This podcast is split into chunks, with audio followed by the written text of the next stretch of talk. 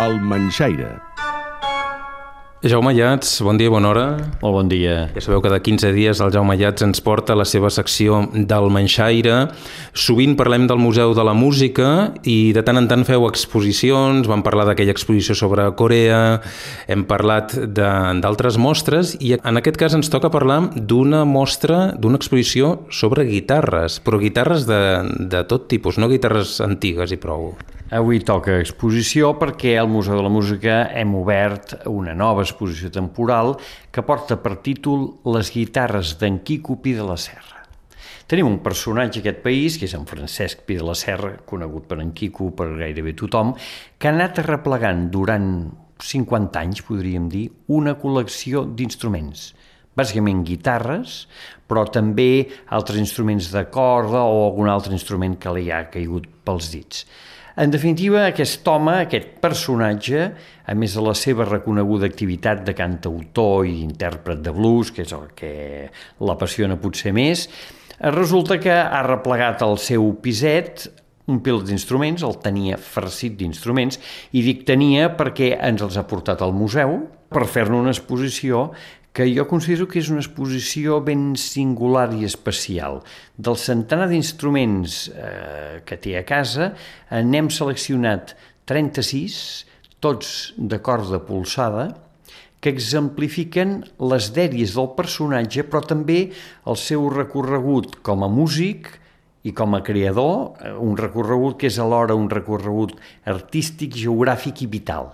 Per tant, ens mourem una mica pel món a, a través d'aquestes guitarres. I per això vam triar el títol Les guitarres d'en Quico Pi la Serra amb un subtítol Companyes d'un viatge d'artista perquè són les companyes de viatge i d'alguna manera pots refer també el seu viatge a partir de les guitarres.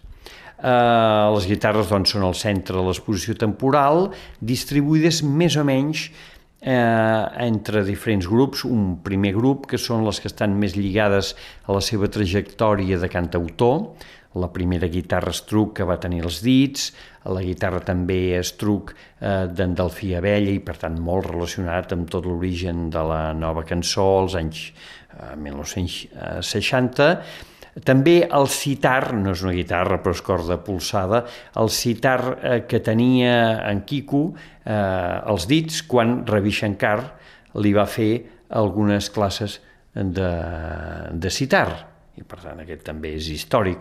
O la guitarra, una molt divertida, que és una guitarra que en Quico ha tingut sempre encordada al revés o sigui, la posició de les cordes de greu agut o de agut greu, com ho vulguis mirar, les gira, les posa al revés i ell sap tocar amb una gran habilitat la guitarra encordada al revés. De tal manera que ja no li diu guitarra, sinó que li diu arretic, que és l'acrònim, o sigui, la, el nom de la guitarra girat eh, així ja diu, eh, avui tocaré l'erratic i un dia toca la guitarra, l'altre l'erratic.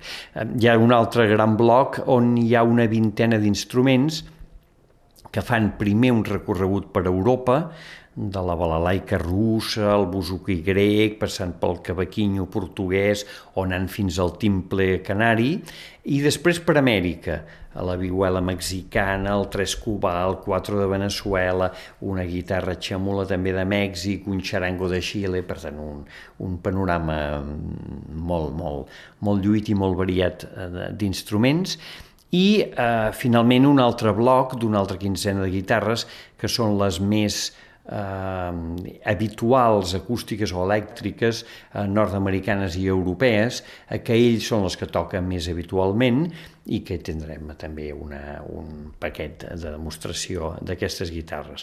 A més, hi hem afegit un vídeo on, eh, i unes unitats de vídeo on en Quico ensenya aquestes guitarres, les explica, mm, hem recuperat en col·laboració amb Catalunya Ràdio algunes de les eh, unitats que fa ell al seu programa de blues i per tant explica les guitarres i toca algun blues amb aquestes guitarres i algunes altres informacions a l'entorn del personatge i les seves guitarres.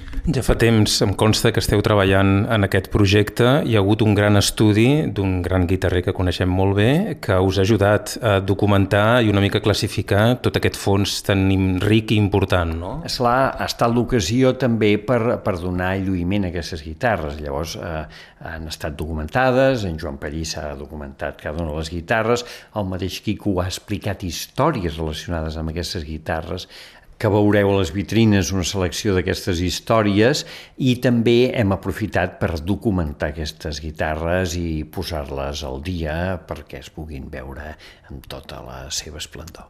Ara només falta saber on és aquesta exposició? On l'heu posat? Aquesta exposició la teniu al mig del museu, precisament a davant de la gran vitrina de totes les guitarres antigues. Hem destinat tot l'espai del davant a aquesta exposició eh, destinada a les guitarres d'en Quicopí i també farem una sèrie d'activitats al museu, entre les quals hi ha un concert eh, just abans de Nadal eh, del mateix Quicopí eh, tocant algunes d'aquestes guitarres i explicant-les en aquest ambient, diguem-ne, proper que intentem eh, crear al museu.